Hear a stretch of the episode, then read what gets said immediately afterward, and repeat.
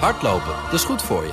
En Nationale Nederlanden helpt je daar graag bij. Bijvoorbeeld met onze digitale NN Running Coach... die antwoord geeft op al je hardloopvragen. Dus, kom ook in beweging. Onze support heb je. Kijk op nn.nl slash hardlopen.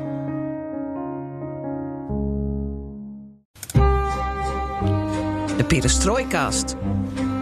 Een blik op Oost-Europa.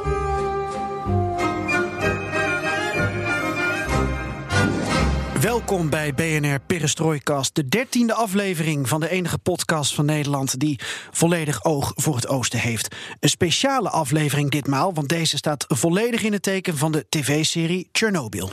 De dertiende, een ongeluksgetal. Hm. Ehm, maar maak je borst maar nat, want deze aflevering duurt 1 uur, 23 minuten en 45 seconden. En we eindigen zelfs met een mop over Tsjernobyl. Galgenhumor. En als je een vaste luisteraar bent van de Perestrooikast... dan weet je dat bij ons alles ten oosten van de rivier de Elbe kan worden besproken. Van Chisinau tot Kaliningrad en van Tsjernobyl tot Kamchatka. En wat leuk is, is dat wij heel sociaal en democratisch zijn. En dat je je ideeën kan inbrengen via Twitter, het Perestrooikast... of mail ons op perestrooikast.bnr.nl. Zoals jullie voor deze aflevering dus ook massaal hebben gedaan. De vragen dan insturen. Mijn naam is Geert-Jan Haan. En ik ben Floris Akkerman. En ik ben te gast, ik ben Franka Hummels. En dit is BNR Perestrooikast.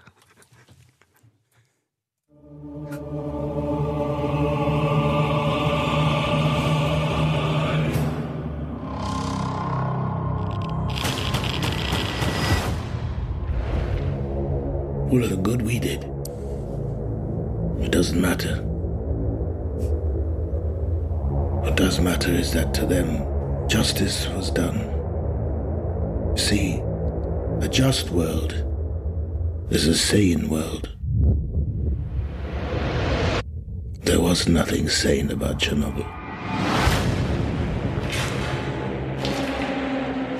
Een miniserie van vijf afleveringen over een kerncentrale in het noorden van Oekraïne, niet ver van de grens met Wit-Rusland, toen nog de Sovjet-Unie.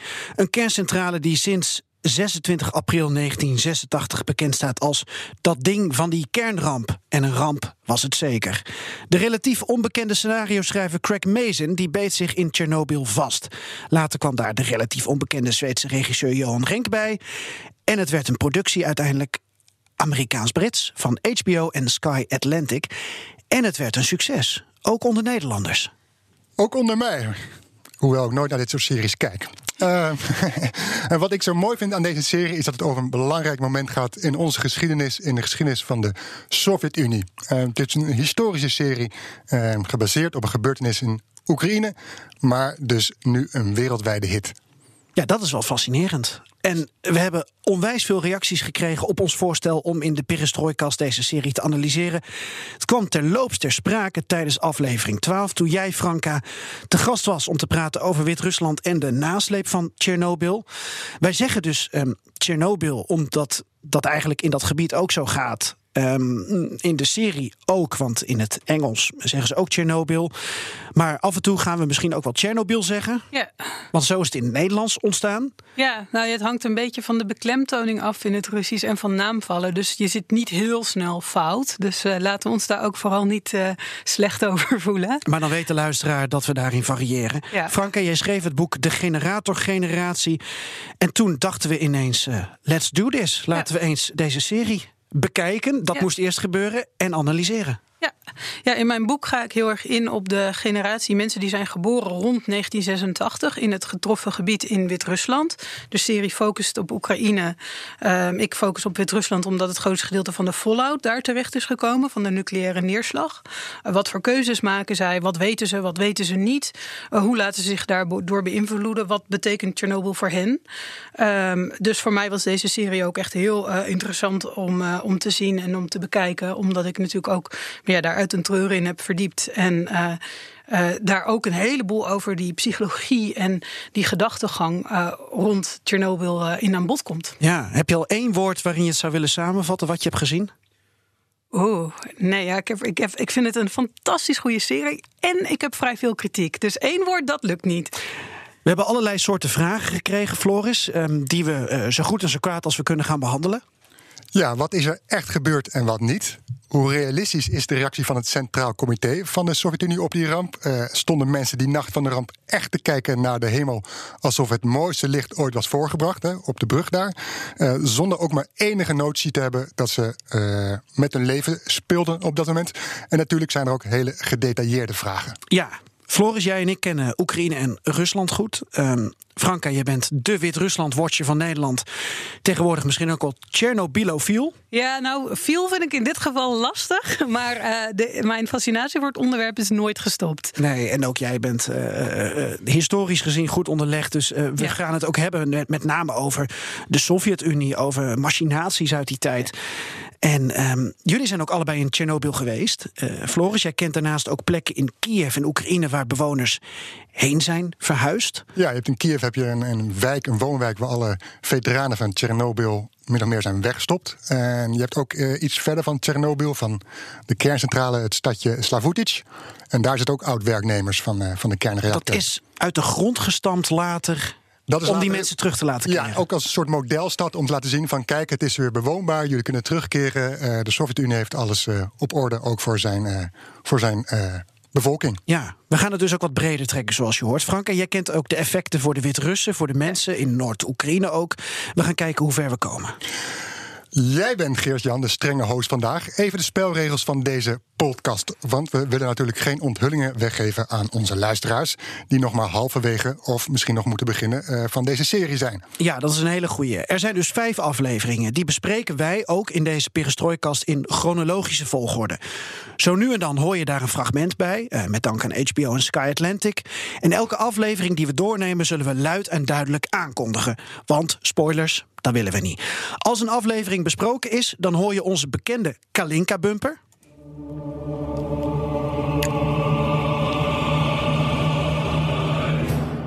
Je hoort een fragment van de aflevering die we bespreken. Elke aflevering bespreken we ongeveer 12 minuten. De ene keer wat langer, andere keer wat korter.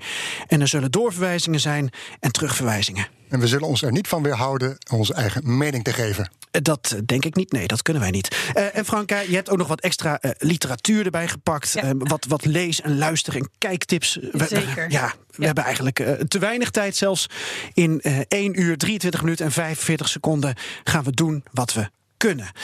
Tijd voor aflevering 1 van Chernobyl.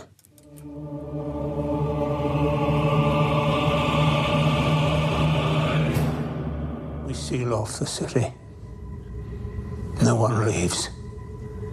And cut the phone lines. Contain the spread of misinformation. That is how we keep the people from undermining the fruits of their own labor. Yes, comrades. We will all be rewarded for what we do here tonight. This is our moment to shine. Franka, yeah. aflevering 1. Dit is een scène die al wat later in aflevering 1 aan bod mm -hmm. komt. Daar komen we zo over te spreken. Waar gaat deze aflevering over? Hoe wordt de luisteraar in deze serie getrokken? De, de, de kijker ook. De kijker we, ook. Daar ga ik al we, in de fout. We, zien, uh, we, zien, we beginnen met uh, Legasov, de, de leider van de reactie op, uh, op de ramp. En die spreekt, ja, die laat zijn, na, zijn erfenis na in ingesproken cassettebandjes. En die laat daarna het leven. En we zien ook hoe een jonge vrouw. Uh, een, uh, ziet haar man, haar man ziet vertrekken, een brandweerman ziet vertrekken. En um, dan opeens beseft dat hij er heel slecht aan toe is. Uh, we zien buren, mensen uit Pripyat, de stad waar alle mensen die in Tsjernobyl werkten woonden, zien we naar de spoorbrug vertrekken. Um, maar vooral zien we in de kerncentrale zelf totaal ongeloof over wat er aan de hand is. Dus zelfs als ze met gegevens worden geconfronteerd, dan geloven ze die niet. Zij denken dat het een klein probleem is. Zij geloven niet dat er echt een explosie is geweest. Hm. Uh, en daarnaast ook nog in deze serie zien we dat uh, Gorbachev uh, iemand benoemt ook om aan de slag te gaan met Chernobyl. Maar ik wil vooral even ingaan op dat niet geloven wat er aan de hand is. Want je, ziet het, je ziet bijvoorbeeld wat er gebeurd is. Ik heb gezien op Facebook dat veel mensen dat niet geloven. Dat mensen dus dosimeters, of wat wij noemen dat Geiger-tellers, die gebruiken ze en die gaan kapot. Die meten de straling. Precies. En wat uh, in de serie gebeurt is, zij denken dat die Geiger-tellers niet goed zijn. Zij trekken niet de meetresultaten in twijfel, zij trekken de Geiger-tellers in twijfel. En dat is voor Nederlanders best wel moeilijk te begrijpen, denk ik. Maar er zijn twee facetten die daarvoor heel belangrijk zijn. Die, die Geiger-teller gaat ook niet hoger dan een bepaalde. Precies, daarom gaat hij ook stuk. Ja. ja. daarom gaat hij stuk, omdat hij gewoon met iets wordt, met een, met een dosis wordt geconfronteerd die die helemaal niet aan kan. En um, bijvoorbeeld, dus, dus de Sovjet-Unie, dus alle apparaten worden op één lijn gemaakt. Dus als er eentje kapot is, zijn ze eigenlijk allemaal kapot. Daar zijn die mensen die in die centrale werken ook mee vertrouwd. Dus eh, ik zat zelf ook te denken van waar kun je dat nou mee vergelijken? En stel dat je kind koorts heeft en je stopt een koortsthermometer onder zijn oksel of in zijn kont en dat ding gaat meteen kapot, dan denk je niet dat je kind 60 graden koorts heeft. Dan denk je de koortsthermometer is stuk. En als je dat met nog een koortsthermometer doet, die van dezelfde winkel komt, dan denk je deze lijn koortsthermometers is kapot. En dat gebeurt eigenlijk ook in hun hoofden. En zij zijn eigenlijk opgegroeid met het idee dat kernenergie dat is het vreedzame atoom. atoom. Dingen met kern erin, nucleaire dingen, kunnen heel eng zijn, maar dan komt dat uit de Verenigde Staten. Dan is dat de kernbom. Dat zie je in de serie ook. Hè. Dan zeggen mensen: is het oorlog? Wat is er aan de hand? Is er een bom gevallen? Dat kan. Maar het beeld is dat kernenergie veilig is. Dat dat alleen maar goed brengt. Zelfs bij de ingenieurs bestaat dat beeld. En zij hebben ook vertrouwen in het materiaal waar ze mee werken, in principe. Dus uh, voordat je echt doorhebt dat het zo ontzettend mis is, duurt dat wel even. En je wil dat dan, je wil dat dan ook niet geloven. En je kunt dat dan ook niet geloven. En je hebt ook genoeg redenen uh, om het niet te geloven. En dan kan het dus ook zijn dat je je eigen waarnemingen of de waarnemingen van anderen, waar je krijgt die discussie van je hebt geen grafiet zien liggen, ja. uh, dat je die dan niet vertrouwt. En dat is wel, wel belangrijk om te beseffen. We kregen daar ook een vraag over van Lucas Hoorda over de manier waarop atoomingenieurs zijn opgeleid. Uh, die zijn op zich heel goed opgeleid. In de Sovjet-Unie was dat zo. Ik bedoel, over de op zich de kwaliteit van een opleiding hoeven we ons niet uh, zorgen te maken. Dat deed waarschijnlijk niet onder voor de kwaliteit van die opleidingen bij ons. Maar de gedachte is dus wel dat ze werkte met het vreedzame atoom. En uh, vooral dus het negatieve kant, dat die ging over oorlog. Dus ja. met die frame, met dat frame hebben zij ook die situatie daar in die nacht zo uh, benaderd. Ik ga heel even uh, uitzoomen. Ja. Um, want in deze podcast willen we vooral ook kijken naar feit en fictie. We kunnen niet alles uh, waarheidsgetrouw uh, benaderen. Maar wat jij nu beschrijft, de manier waarop ze uh, rond die ramp omgingen met het gevaar van kernenergie, van straling, het besef. Is dat redelijk realistisch neergezet? Ik denk het wel. Ja. ja. Ik denk dat het realistisch is dat die mensen daar in Pripyat geen idee hadden. En ik denk dat het ook niet onrealistisch is dat die mensen die in de reactor waren in het begin echt niet door hadden wat er aan de hand was. Ja, Floris, hoe heb jij naar gekeken? Want we zien ook scènes, en die uh, hoorden we ook in dit fragment, waarbij wordt gesproken over de omvang van de ramp en wordt gekeken naar hoe moeten we hier bijvoorbeeld politiek mee omgaan. Ja, je ziet eigenlijk, eh, ze worstelen met van wat gaan we hier uh, wel of niet mee naar buiten brengen. Uiteindelijk besluiten ze dus om niks naar buiten te brengen, om die waarheid eigenlijk uh, te bedekken. Uh, Pripyat, het stadje dat erbij ligt, moet hermetisch worden afgesloten, zodat mensen niet naar buiten kunnen om, om die waarheid te vertellen. Of aflevering 2. Is dit alweer een eerste spoiler uh, die is gegeven? Oh. Ja. Neem niet kwalijk. het is allemaal echt gebeurd. Dat uh, hermetisch afgesloten dus. Ik dacht dat aflevering 1 is. Enfin, Daar wordt besloten uh, dat het gebeurt. Oké, okay, maar, ja. maar in de, de, de fragmenten hiervoor wordt het in ieder geval geopperd... Ja. of in ieder geval aangewezen dat we, dat we het zo moeten doen. Um, er mag geen paniek worden veroorzaakt uh, onder de bevolking, dat is één. Uh, mag, de waarheid mag niet naar buiten komen, ook voor de bevolking... Hè, om te laten zien, ja, de Sovjet-Unie, rampen kunnen daar niet gebeuren. Hè. We hebben dit, onze kernindustrie, dat is het beste van het beste. Daar, daar kan niks fouts gaan. En ten derde is natuurlijk voorkomen dat het buitenland het weet. Want als je als Sovjet-Unie een supermacht wil zijn, dan wil je niet weten dat je een zwakke plek hebt. Uh, zeker in, in de relatie de Koude Oorlog ja. met de Verenigde Staten. En dat is interessant, um, want wat jij half benadrukt, is eigenlijk ook dat er een, een geloof is in het socialisme. Ja. En het socialisme dat gaat dit allemaal oplossen. De staat gaat dit allemaal uh, in handen leggen van de vorm waarin onze staat is gegoten. Ja, die, die, die meneer die je ook zo, zo even ziet, een, een hoge lokale politicus. Die een oudere partijfunctionaris. Ja, die in tijden van uh, Lenin nog is opgegroeid. Uh, of in ieder geval die denkbeelden volledig met de paplepel heeft ingegoten. Staatslaten, staatszaken laat je aan de overheid. En zodat de arbeider zich met het werk kan bemoeien. En die moet zich niet het hoofd buigen over wat er er allemaal ja, bijna religieus, hè? Van Ja. wie ben jij om aan de staat te twijfelen? Ja, Zoals ja. wie ben jij om aan God te twijfelen? Bijna zo'n soort denken. En je zag ook een prachtig shot met Lenin op de achtergrond Ja. aan de muur. Eh, Ja. En aan de andere kant van de zaal kwam ineens deze man die je dus hoorde in dit fragment. Die oude man kwam met zijn stok overeind en verkondigde dit socialistische geloof. Hij waarschuwt voor paniek. En dat is best eh, ook wel echt heel realistisch. Want eigenlijk tot op de dag van vandaag wordt ook nog het geheim houden van wat er gebeurd is verdedigd. In ieder geval in Wit-Rusland, maar ook al in eh, sommige wat conservatievere Russische kringen. Het idee is namelijk dat paniek ook heel schadelijk is. En dat, dat klopt natuurlijk. Ehm, maar op zich, de afweging wat schadelijker is, paniek of ehm, zo'n hoge dosis straling, dat vind ik een lastige. Maar het idee dus dat je paniek moet voorkomen en dat dat goed is voor de volksgezondheid, is een idee dat nog steeds leeft. Ja, Ik durf niks meer te zeggen, omdat ik bang ben dat ik... Spoiler! Oh, Nou, sorry. wat, wat wordt neergezet in deze aflevering en wat natuurlijk de hele serie doorgaat, omdat dat ook in het echt eh, zo was, is eh doofpot. Ja. Hoofdpot, dat is de rode draad eh, in deze aflevering. In Je deze fronst serie. erbij. Zo, ja, ik, eh, ver- verraad ik nu al wat? Nee, dat, dat, Nee, dat, dat, dat, dat- kom je eigenlijk terug. eh, dat constant eh, in de doofpot stoppen, het liegen, het, het niet vertellen van de waarheid. Eigenlijk, eh, ja, dat is de sleutel eh, waar, waar, waar, waar die ramp op is gebaseerd. Ja, en daar zit dus wel een ontwikkeling in. Inderdaad, aan het begin zijn ze nog per ongeluk de waarheid niet aan het vertellen. En op het einde wordt ervoor gekozen, misschien nog niet om te liegen, maar in ieder geval wel om niks te zeggen. Ja, de protagonist in deze serie is Legasov, Valery Legasov, wetenschapper. En eh, jij gaf al aan, eh, Franka, hoe deze aflevering is opgebouwd. Eh, namelijk eigenlijk met twee jaar na de ramp, waarin hij cassettebandjes inspreekt. En eigenlijk ehm, zijn verhaal doet, zijn ehm, kijk op de waarheid weergeeft. Weten we of dat echt zo is gegaan, of zijn verhaal echt zo is verspreid? Ja, ja en ja, dat is gebeurd. En eh, die, ehm, zo'n verhaal natuurlijk in de Sovjet-Unie om dat te verspreiden is verschrikkelijk moeilijk en ook verschrikkelijk gevaarlijk.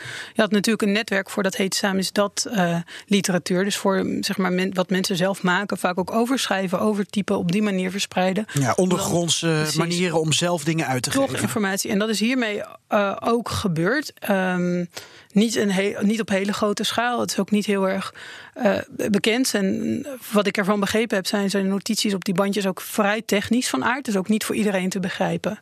Hmm. Maar het is wel, het is gebeurd. Nog twee scènes, nee, drie scènes die we er even uit moeten pikken. Ehm, eerst even de brug. Ja, Er gaan mensen kijken op de brug des doods, zoals we hem nu kennen. En ook daar zijn vragen over, namelijk, ehm, zijn daar echt mensen gaan kijken? Ik kan me voorstellen als er een ramp is en eh, er is eh, een geweldig licht aan de hemel, wat Floris ook in het intro even benadrukt, dan is het heel menselijk om te gaan kijken naar wat er is gebeurd. Ja, over dat licht. Ehm, ik weet niet waarom, eh, dat, of jij daar ook nog wat over wil zeggen, Floris. Maar het was gewoon een grote brand. Dat licht zoals het in de serie te zien was, is niet te zien geweest. Ah. Maar een grote brand is nog steeds iets dat heel erg tot de verbeelding spreekt. Zeker als het de plek is waar je werkt. Of waar je man werkt. Ja. Ehm, Wil je er nog wat over zeggen, Floris?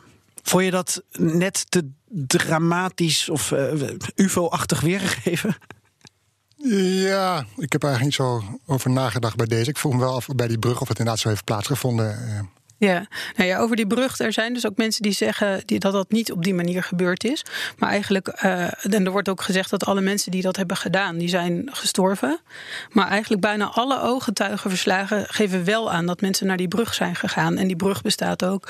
ehm, ik ben wel geneigd om het te geloven, omdat dus er zoveel ooggetuigenverslagen zijn die het wel zeggen. En ik het dus ook best een logische menselijke reactie vind om daar te gaan kijken. Want je hebt gewoon heel goed uitzicht. Je weet niet dat het heel gevaarlijk is. Je denkt gewoon een brand. Waarom zou je het dan niet doen? Weet je, je bent toch wakker. Dus dan, De ja. mens is nieuwsgierig, Ja. ook toen. ja. Wat ons eh, opviel was dat deze aflevering begint met een dier en eindigt met een dier. Het begint met een kat en het eindigt met een vogel. Ja. Over beide kunnen we nog wel even wat zeggen, want het plaatst het wel mooi in. Ja, hoe eh, toen de tijd eh, de Sovjet-Unie misschien werkte, met name de kat. Oh, dat, dat is uh, leuk. Er is ook een podcastserie van de makers van deze serie. Die is ook op zich ook uh, aanbevelenswaardig. Niet zo goed als onze podcast natuurlijk, maar toch ook zeker aanbevelenswaardig. Dank je. Uh, en daarin hoor je bijvoorbeeld dat de schrijver... die heeft heel erg zijn best gedaan om alle details zo goed mogelijk te doen. En hij was van plan geweest om hem kattenvoer in die bakjes te laten doen. Maar dat, dat kenden ze helemaal niet in de De kat van Legasov. De kat van Legasov. En nu doet hij dus restjes. Hij doet nu klikjes in die bakjes. En het is heel grappig, want ik zag die scène en ik dacht zelf van, huh, heeft hij nou speciale bakjes voor de katten? Want dat ken ik eigenlijk helemaal niet. Ik ken het meer gewoon op schoteltjes. Dus dat vond ik wel grappig uh, ook om te zien. Maar het geeft dus wel aan uh, op welk detailniveau hij zich ook heeft uh, ingelezen, in, verdiept en heeft laten corrigeren. Want op zich is het voor de, het verhaal natuurlijk helemaal niet belangrijk of er kattenvoer in de bakjes zat. Nee, maar kattenvoer was blijkbaar schaars in de Sovjet-Unie. Niet in een bepaalde mate aanwezig die hij voor, voor zich zover, had. Dat weet ik niet zeker. Maar voor, voor zover ik weet bestond het zelfs gewoon niet. Ik weet niet of jij dat weet, maar... Ja, dat weet ik niet. Maar wat ik wel... Die Le, Le, Legasov is een vooraanstaand academicus. Lid van de Academie der Wetenschappen. Um, hij woont in een vrij sobere flat, waarvan je denkt, nou, uh, de muren die vallen er nog net niet vanaf en de ijskast ziet er uh, shabby uit. Zo iemand, uh, ga ik vanuit, die in die tijd leefde, woonde, had wel zekere privileges. Ja, maar dat was twee jaar na de ramp. Toen, ja, dan ga ik spoilers ja. geven, toen het een en ander met hem was gebeurd. Ja, oké, okay, maar het gaat, gaat om, om waarheidsgetrouw, toch? Ik, de, ik, ik, uh, ik zit op, ondanks wat jij nu zegt over spoilers, zit ik heel erg op Floris' oh, lijn. Maar okay. dat, uh, denk ik dat we dat inderdaad beter uh, misschien later kunnen bespreken. Voordat jij nu gaat vertellen waar je naar verwijst. Maar ja. je zou een ander soort flat verwachten. Ja, ja, ja, ja. voor iemand die, die ja, een academicus is. Volgens okay. mij zien we ook in, in, in ik durf niks meer te zeggen. Nou, het leuke ja. is, de scenario schrijver heeft oog voor detail. Of ja. dat nou uh, uh, helemaal realistisch is geweest of niet. Uh, moeten we nog even naar de laatste scène uit deze aflevering, de vogel. Ja, die is heel spannend. Hè? Dan valt er opeens een vogel uit de lucht en niemand ziet dat eigenlijk omdat je er niet naar kijkt. En dat vind ik ook als symbool, zeg, literair symbool, bijna best wel mooi. Omdat dat natuurlijk gewoon is hoe het is. Als je iets niet verwacht, dan valt het je ook dan valt het je niet op. Want je weet niet dat je ernaar moet kijken. Maar ik vond het heel leuk. Uh, ik raakte heel erg door deze scène in verwarring.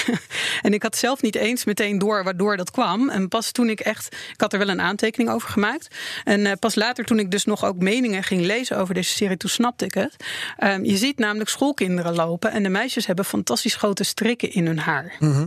En dat hoort bij de eerste schooldag. En ik dacht, huh, maar ik wist helemaal niet wanneer is dit dan? Wanneer moet dit spelen? Want dit speelt dus echt in. Het is in... eind april. Precies. En ik snapte dat niet en ik kwam er niet op uit. En nu zegt ook Masha Gessen, dat is een hele belangrijke, nu in Amerika wonende Russische publicist. En zij zegt dus dat dat een van de twee fouten is die zij in de details uh, heeft uh, gezien van, van de serie. Dus zij, zij heeft vrij veel kritiek, daar komen we later nog over te spreken. Maar over dus de, het detailniveau van de serie, waarin ze de, de, zeg maar die dingen hebben ingevuld, is heel positief. En dat zie je ook wel bij Russen op social media en zo. Dat de films uit de Sovjet-Unie uit 1986, die geven geen realistisch beeld van hoe het leven was. Dat was gefictionaliseerd. Daar zat een soort ideaal in. Dat was niet echt. En dat Russen dus juist in deze serie dat eigenlijk hun jeugd misschien meer herkennen dan in Sovjetfilms uit die tijd. Dus dat geeft wel aan hoe ontzettend precies die makers zijn geweest, ondanks dit soort kleine uh, foutjes misschien. Ja. Ik bedoel, als dit al de foutjes zijn waar je uh, over, gaat, over kunt klagen of over kunt vallen, dan weet je dus dat wat vormgevingsdetails het echt wel heel goed in elkaar zit. Want anders vallen je grotere dingen op. En toch is het heel erg boeiend om te blijven luisteren, want we hebben nog aflevering 2 tot en met 5 te bespreken. Dit was aflevering 1. Ik zeg het er heel duidelijk bij: aflevering 1 van de serie Chernobyl. En wij gaan natuurlijk door met aflevering 2 tot en met 5. Maar als je die nog niet gezien hebt, dan weet je dat je nu heel even op pauze moet drukken en later bij ons terug moet keren.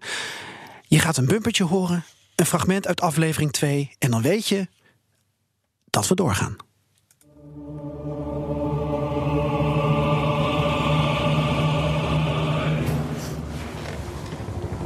Wind has been blowing toward Germany. Not letting children play outside. In Frankfurt. Van de kinderen in Pripyat gaan we naar de kinderen in Frankfurt. Ja. Franka, aflevering 2. De ramp is gebeurd. Ja. En uh, we zien een nieuw uh, karakter verschijnen, een uh, wetenschapster, die in Minsk verhoogde straling vaststelt en vervolgens heel snel kan concluderen dat dat door Tsjernobyl komt. Ja. Uh, nou ja, uh, we zien ook uh, Legasov, dus die protagonist, die zien we fel worden en dingen eisen. Hij gaat met de helikopter naar, van Moskou naar Tsjernobyl toe. Oh, dat snap ik niet helemaal, maar goed, met de helikopter van Moskou naar nee. Tsjernobyl. Dat is nog best wel een afstand van 800, ja. 900 kilometer. De, precies, daar kunnen we ook onze vraagtekens bij zetten. Samen met uh, Scherbina, die je dus ja. net ook in het fragment hoort. Uh, ja. Een, een uh, persoon, een minister die een steeds grotere rol krijgt. Ja, ja. en we zien dat uh, Pripyat geëvacueerd wordt. En we zien dat ook mensen die weten dat hun, het hun leven gaat kosten... dat die zich gaan melden of aangewezen worden om zich te melden... om proberen de impact van de ramp kleiner te maken. Dat is een beetje de samenvatting, denk ik, van, van aflevering 2. En deze scène die we horen, die is misschien wel heel interessant om toch maar even gelijk ja, erin te gooien. is volstrekt onmogelijk. Ten eerste op die dag. Wat is volstrekt onmogelijk? Alles. Uh, oh. Het eerste is dat op die dag de kinderen in Frankfurt nog helemaal niet binnen werden gehouden. Dat gebeurde pas nadat in Europa de wind was gedraaid, waardoor het ook in Nederland en West-Duitsland uh, gevaar, gevaarlijker werd. Of in ieder geval er mogelijkheid bestond tot gevaar. En ten tweede is het ook volkomen onmogelijk dat hij wist van wat er in het Westen gebeurde op dit vlak. Want ook dit soort dingen, deze structuren, dat werd helemaal stilgehouden. En dat ging niet tot op dat niveau. En er geen niet... spionnen en dergelijke? Misschien wel, maar dan komt dat niet bij hem terecht. Dan blijft dat gewoon in het Kremlin. En niet zeker niet bij iemand die daar bij die reactor is. Nee. Dan over dat die kinderen in Frankfurt binnen werden gehouden. Dat is dus wel gebeurd, maar een paar dagen later. En dat is een heel groot contrast met wat er dus daar gebeurde. Waar op 1 mei, dat is Dag van de Arbeid, en 9 mei, dat is Overwinningsdag. Dat zijn grote feestdagen met militaire parades. En iedereen is op straat. Waar dus ook gewoon zelfs in de omliggende dorpen, Pripyat dan niet, maar de andere dorpen, gewoon mensen nog echt de straat op zijn gegaan. Terwijl dat dus heel gevaarlijk was. En het verhaal is ook, het was heel warm in april 1986, ongewoon warm. En het ging regenen. En dat was fijn, want dat is natuurlijk, hè, mensen zijn boeren, dat is goed voor het gewas. Dus mensen waren blij met die regen en zijn dus ook in die regen die lekker warm was gaan dansen.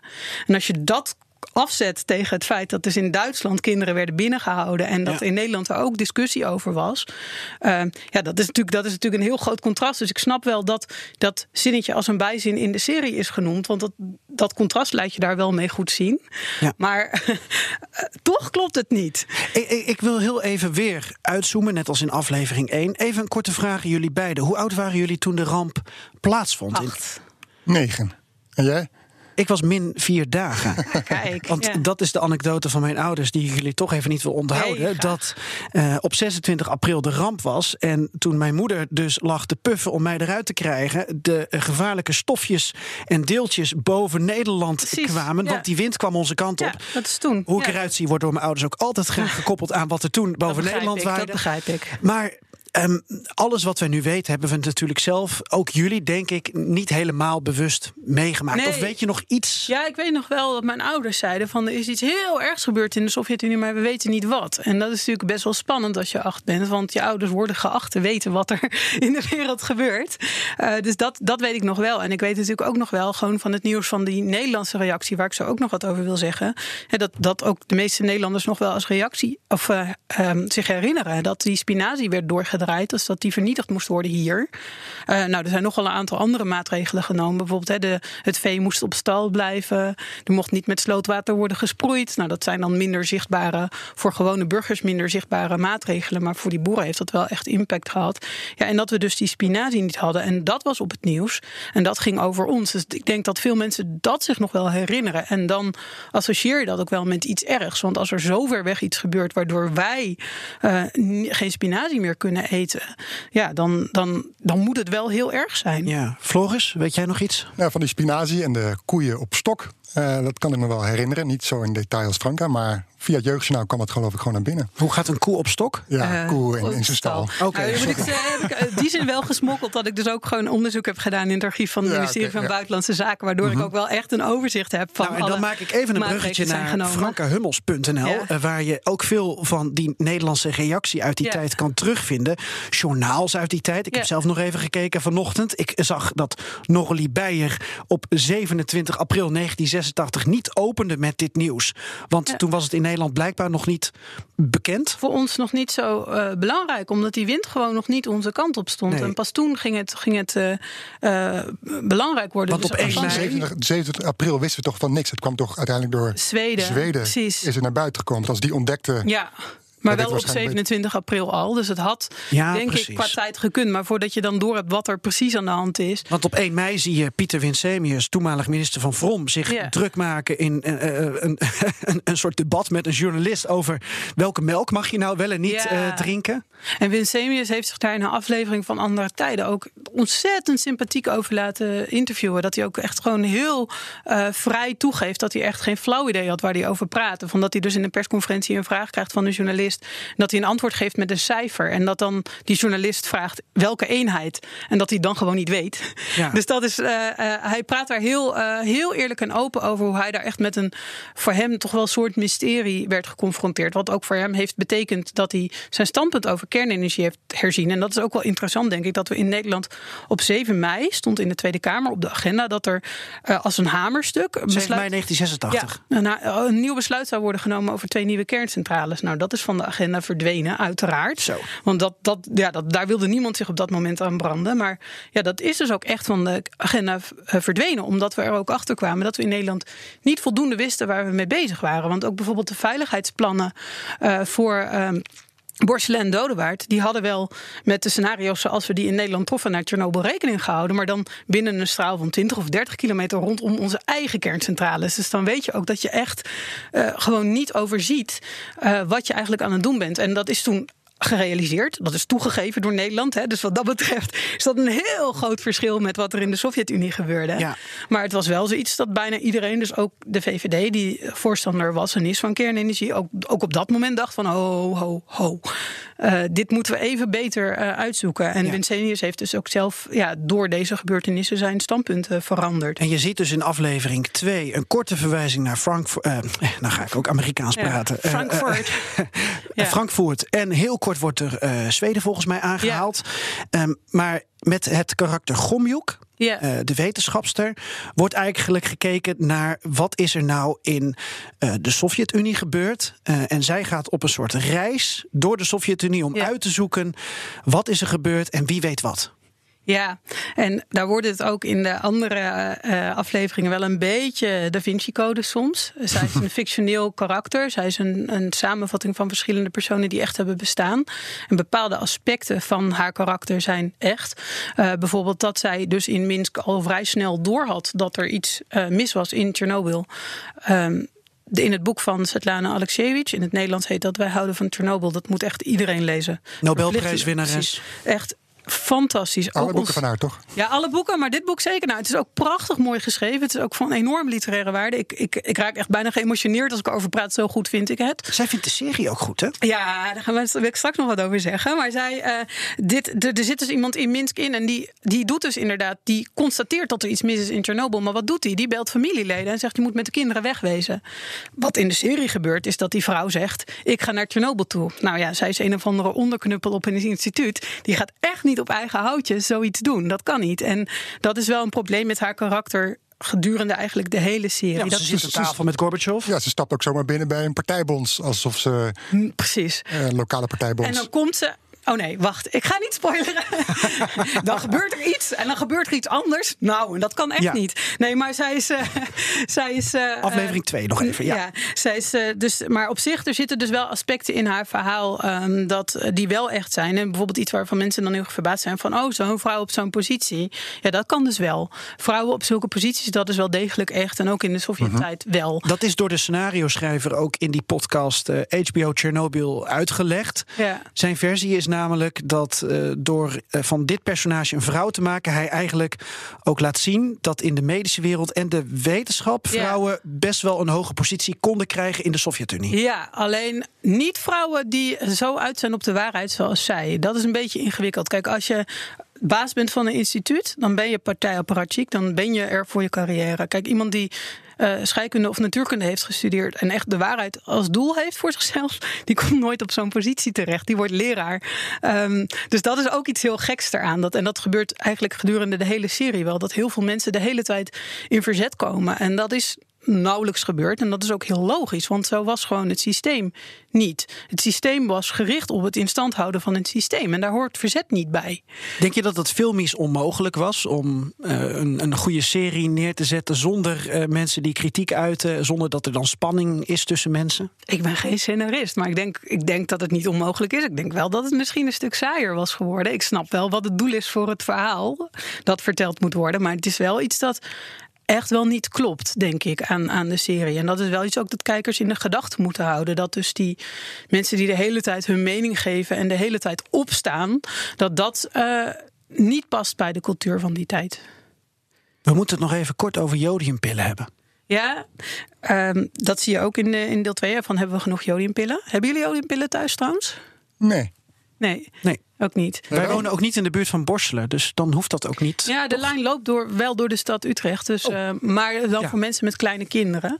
Oké. Okay. Um, het is jodium... Heb ik nog niet gezien in de schuur. Nee, nou, jodium, jodiumpillen die uh, um, je de eerste plek die radioactief jodium opneemt is je schildklier. En als daar niet radioactief jodium zit, dan is de kans dat je dus radioactief jodium opneemt veel kleiner. En dat is vooral met voor kleine kinderen belangrijk, omdat de schildklier zorgt voor hormonen, uh, ook voor groeihormonen.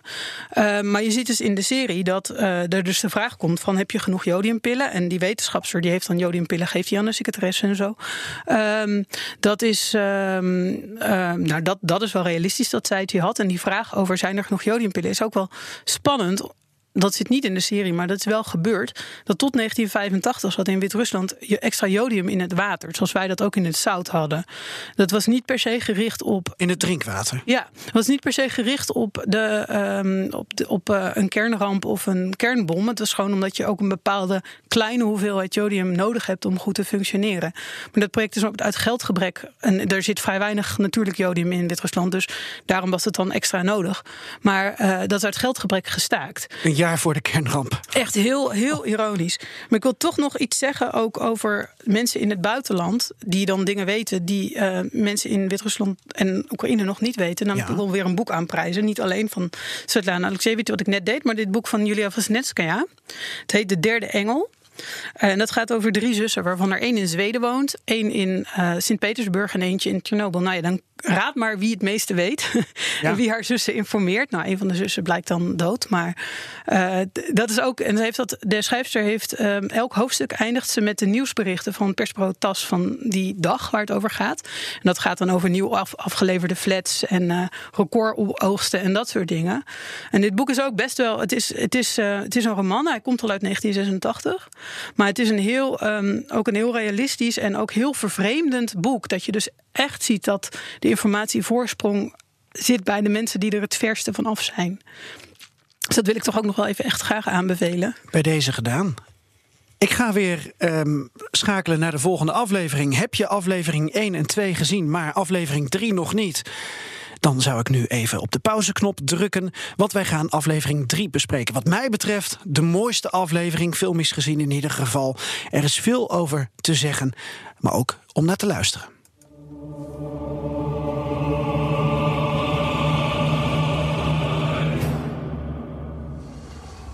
something I've wanted to ask you, comrade, but I see you're already asking yourself the same question.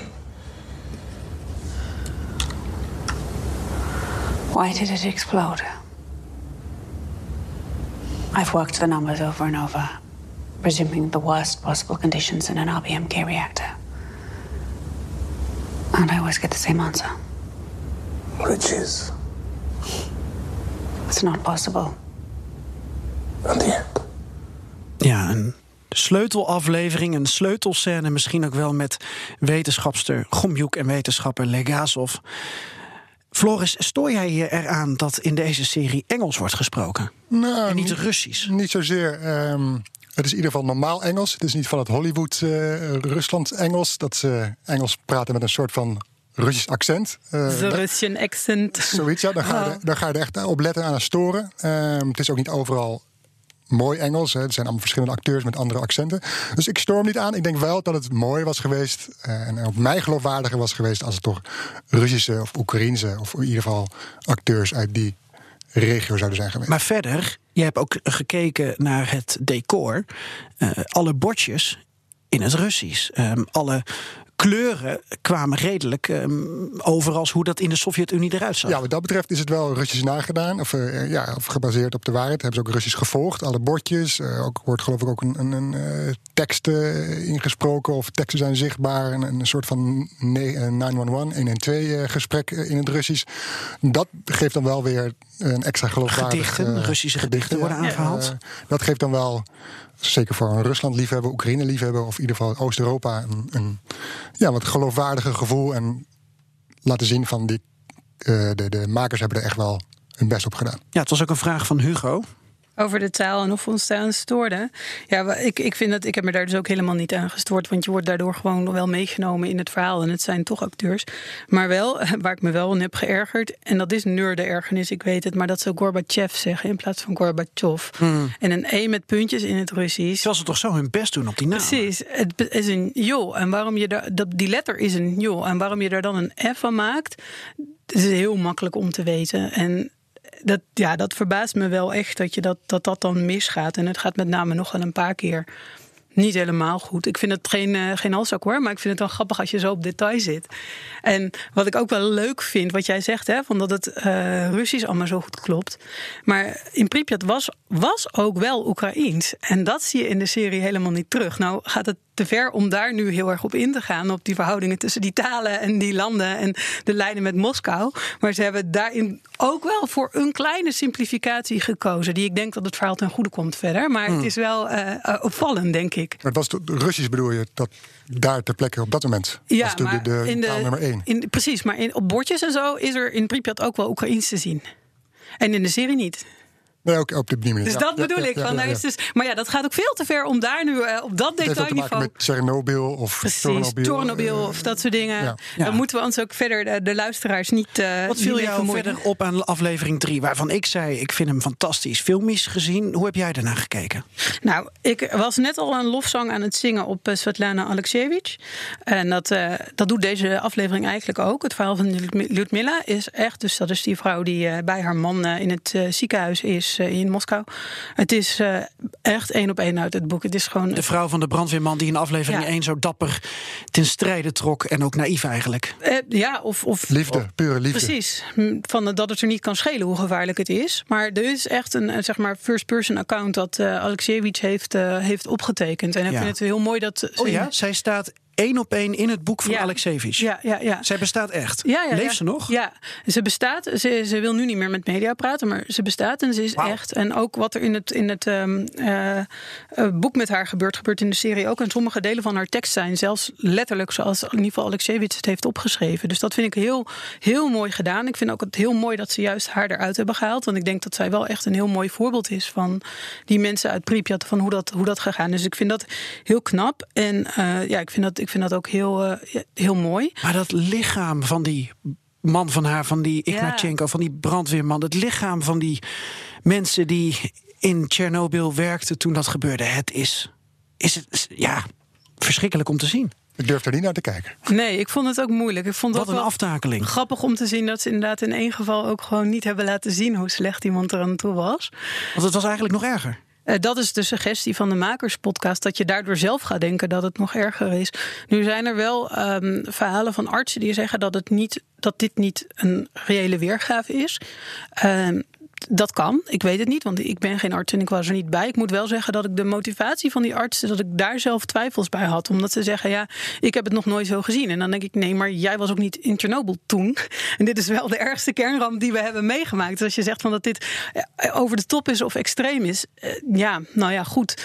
Eh, wat ben je aan het extrapoleren dan? Welke kennis als arts ben je dan aan het extrapoleren? Dus ik kan niet mijn hand ervoor in het vuur steken dat die afbeelding of de verbeelding van die mensen met stralingsziekte klopt.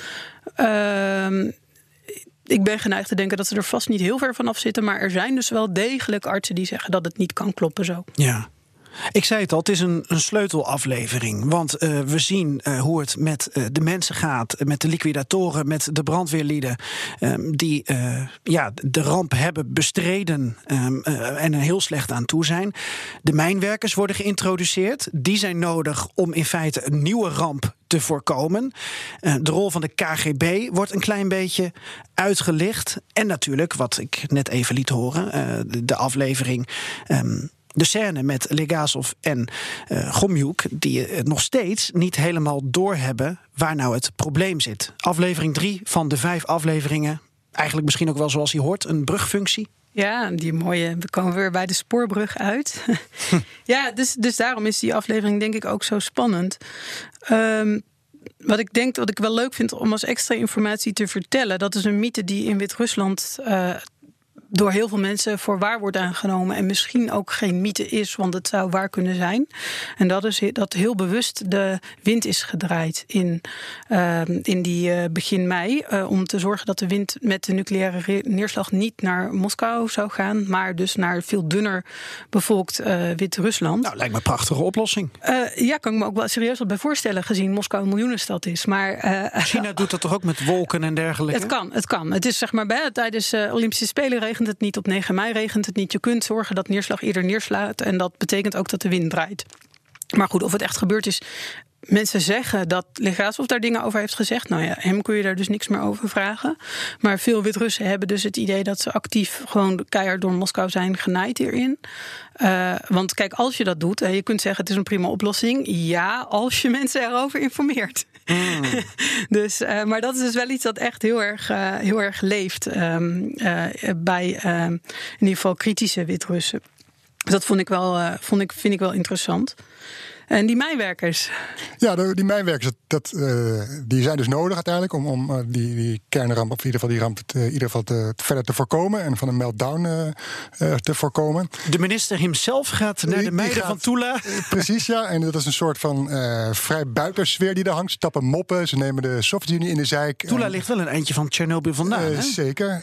en dus maar ja, die, die zitten daar, dus die heb je nodig. Dan in, in de ogen van de Sovjet-Unie. Dus die mijnwerkers, het lijkt wel alsof een soort van, van motorgang is die zich niet de wet laat voorschrijven. ja.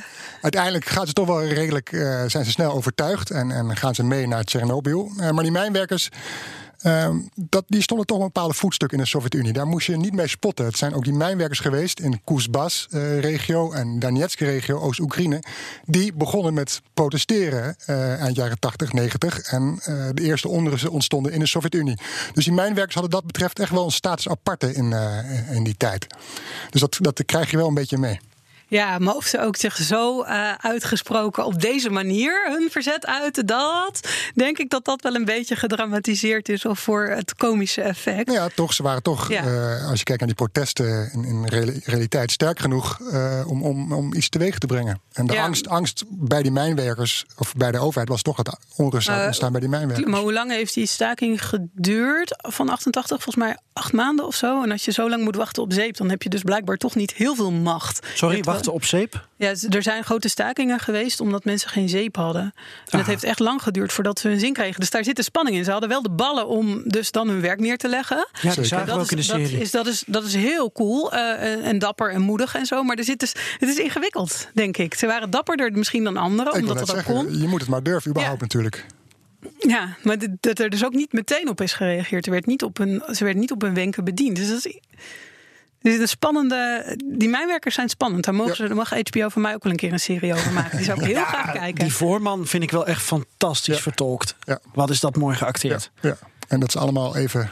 het shirt van de minister van, uh, van Mijn Zaken of uh, even besmeuren. Ja. En nu ben je een van ons. Ja, Misschien ook wel om toch de positie van de mijnwerkers uh, te karakteriseren. Ook al zeg jij, Franka, dat het daardoor iets te veel gedramatiseerd werd. Maar ja, wel interessant. De, de liquidatoren dan nog? Ja, het begint hier, dus dat mensen gaan uh, uh, zich weten dat ze risico's lopen en toch gaan proberen de impact van die ramp uh, te beperken. nou, in de volgende aflevering zie je daar nog meer van. je ziet ook die mijnwerkers die hebben dan een beetje scheid aan alles. Hè. Die bepalen zelf wat ze doen tot op zekere hoogte. En die sfeer, dat, die klopt wel. En die klopt ook wel met de periode die daarna, dus de, de, de acht jaar ongeveer daarna, die nog in de exclusion zone geweest is, waar liquidators hebben gewerkt. Dat zijn er uiteindelijk veel meer geweest. Um, um, die mensen hadden best wel scheid aan het gezag. Maar dat kwam vooral omdat het gezag niet daar was. Omdat het natuurlijk ook niet de allerveiligste plek was. Ja. Ze hebben daar een heel vrij leven geleid met heel weinig eh, vrouwen, weinig gezin, zeg maar. Weinig dat hun tegenhield in een soort jongensachtig eh, leven. De priesters van Tsjernobyl. Ja, en, eh, en dat heeft dus ook wel voor een aantal mensen. Ik heb ook wel met Lieke de Toren gesproken, bijvoorbeeld, die dan nadat ze terugkwamen in, in Wit-Rusland, in Minsk bijvoorbeeld, echt moeite hadden om zich weer aan te passen aan het gewone burgerleven. Omdat ze dus al die vrijheid eh, gewend waren. Oh. Dus het klopt wel dat daar een hele eh, voor veel mensen leuke sfeer heeft geheerst. Ehm, ook voor anderen niet. En daar komen we dan zo meteen wel weer op. Maar die mijnwerkers, daar wordt wel ook iets neergezet van iets van wij bepalen het zelf wel. Ehm, dat eh, niet in deze mate op waar het berust, maar waar wel degelijk iets van die sfeer wel degelijk daarna ook heeft bestaan. Ja, Als, je, kijkt naar de liquidators, eh, in, die wonen in Pripyat en later ook in de Slavutic. Ze hadden wel een bepaalde, ja, eh, als je kijkt naar hoe is opge, op, op, op, op is gemaakt. Dat is eh, dat gebouwd, nieuwe dorp dat uit de grond is gestampt na de ramp. En zo, ja, precies. En zo was Pripyat ook wel een beetje. Het was groen, er was ruimte, Ja. er was frisse lucht. Ze hadden wel een zekere, ook hier, bepaalde privileges eh, ten opzichte van de arbeider in de fabriek. Ze werden ook wel behandeld als speciale eh, ja, eh Sovjetmensen die bijzonder werk deden of op een bijzondere Ja. locatie waren. Dus kreeg je ook wel iets ervoor terug. En als je dan inderdaad in een flat terechtkomt in Minsk, ja, dan is het even slikken. Ja, dus dat, maar dat is dus wel, dat vind ik ook wel grappig, dat dan juist zoiets dan zo'n soort half anarchistische sfeer Ja. toch heeft, heeft opgeleverd. En ehm, ja, dat, daar kunnen we nu niet heel lang over praten, maar inderdaad ook over de betaling, de extra betalingen die de liquidatoren hebben gekregen in de verschillende opvolglanden van de, Ja. Sovjet- van de Sovjet-Unie.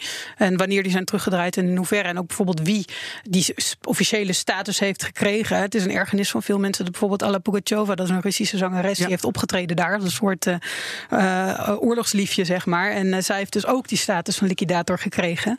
Dat is een doorn in het oog van veel mensen die daar gewoon jaren hebben gewerkt. Ja, dat kan ik me voorstellen. Als jij eh, nu eh, in de regio Volgograd woont. En je bent toen in 86, 87 eh, liquidator geweest. Dan ben je nu en je bent met pen- pensioen. Dan krijg je, dat was vorig jaar althans, een ouderdomspensioen van 181 euro per maand. Als je dus daar als liquidator hebt gewerkt en, ge- en, en, en je hebt ingezet. Woon je in die regio eh, eh, of werk je daar, dan krijg je 158 58 euro per maand. Dus het is Rusland. En dit is, natuurlijk is het eh Volgograd. Dus waarschijnlijk krijg je in Moskou een hoger pensioen. Want het, omdat de prijzen daar nodig, ja. hoger liggen. Maar het geeft een beetje een idee van hoe er eh, eh, om wordt gegaan met die mensen. Ja, hoe er om wordt gegaan met die mensen, met de exclusion zone, met de evacuatie, hoe groot die is gegaan, hoe het nu met ehm, eh, de, reactor gaat bij Tsjernobyl, daar gaan we over doorpraten in aflevering 4. Dus. Je kent het inmiddels. Druk op de pauzeknop als je nog even wil wachten en eerst aflevering 4 wil zien. En anders kan je nu gewoon door.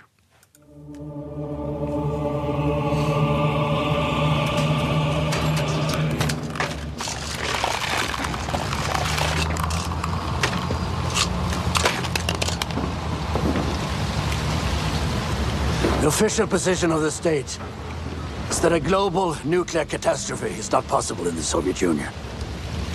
They told the Germans that the highest detected level of radiation was 2,000 Röntgen. They gave them the propaganda number. That robot was never going to work.